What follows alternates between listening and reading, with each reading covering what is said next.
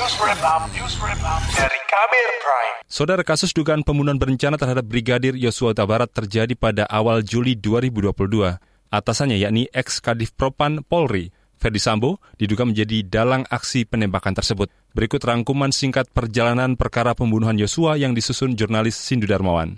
Brigadir Yosua Huta Barat atau Brigadir Y tewas di rumah Kadif Propam Polri Ferdi Sambo 8 Juli 2022.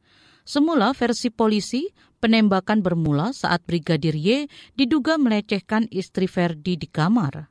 Barada Eliezer yang mendengar teriakan istri Ferdi langsung menghampiri. Baku tembak pun terjadi. Brigadir Y tewas dengan tujuh luka tembakan. Keluarga Brigadir Yosua tak percaya dengan kronologis versi polisi. Mereka lantas melaporkan kasus ini ke Mabes Polri Senin 18 Juli 2022. Koordinator Kuasa Hukum Keluarga Brigadir Y, Komarudin Simanjuntak, menjelaskan alasannya. Menurut perkiraan kami ada terdiri dari beberapa orang, nah, bukan hanya satu orang atau dua orang. Ada yang berperan pistol, ada yang berperan memukul, ada yang berperan melukai dengan senjata tajam, bahkan mungkin dengan sangkur atau dengan apa namanya itu laras panjang itu loh. Jadi dengan banyaknya luka, maka kami sangat yakin ini adalah pembunuhan terencana. Usai peristiwa, Presiden Joko Widodo memberikan sejumlah pernyataan atas peristiwa tersebut.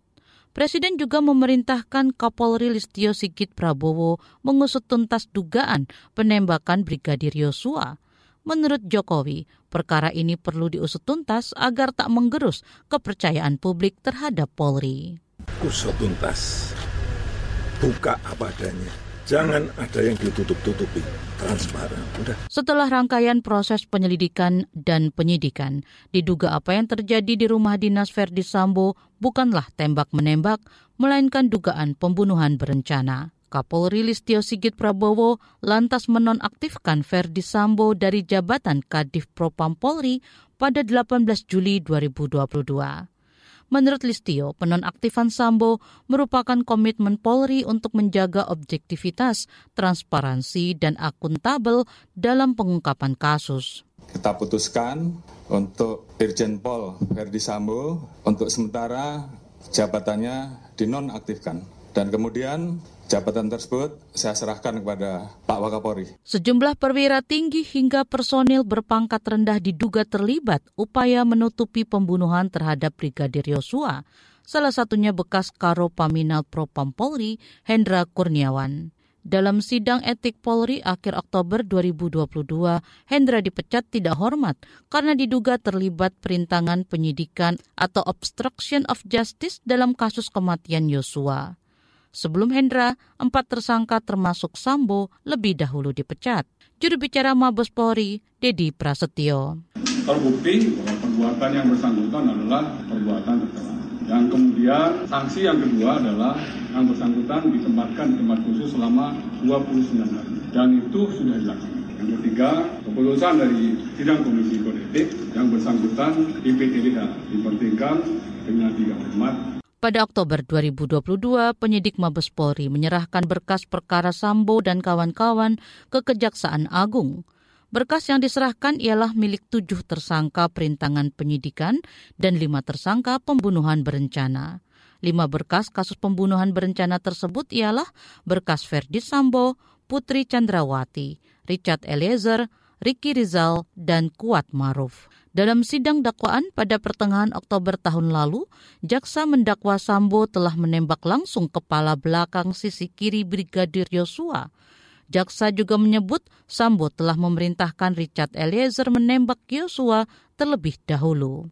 Terdakwa Freddy Sambo SH dengan akal liciknya untuk menghilangkan jejak serta mengelabui perbuatan merampas nyawa korban Nofriansah Yosua Huta Barat Kemudian terdakwa Freddy Sambo SHSIK menembak ke arah dinding di atas tangga beberapa kali dan menghampiri korban Nofriansah Huta Barat lalu menempelkan senjata api HS nomor seri H2 33001 milik korban Nofriansah Yosua Huta Barat ke tangan kiri korban Jaksa penuntut menambahkan Sambo membuat skenario seolah-olah terjadi tembak-menembak antara Yosua dan Eliezer.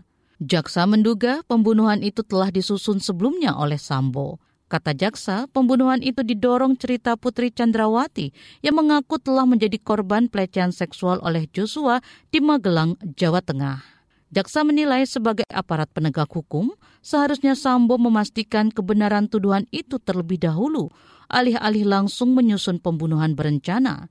Sambo CS dijerat pasal pembunuhan berencana dan pembunuhan. Setelah rangkaian proses persidangan, hari ini Majelis Hakim akan menjatuhkan vonis terhadap Sambo dan istrinya Putri Chandrawati. Demikian laporan khas KBR.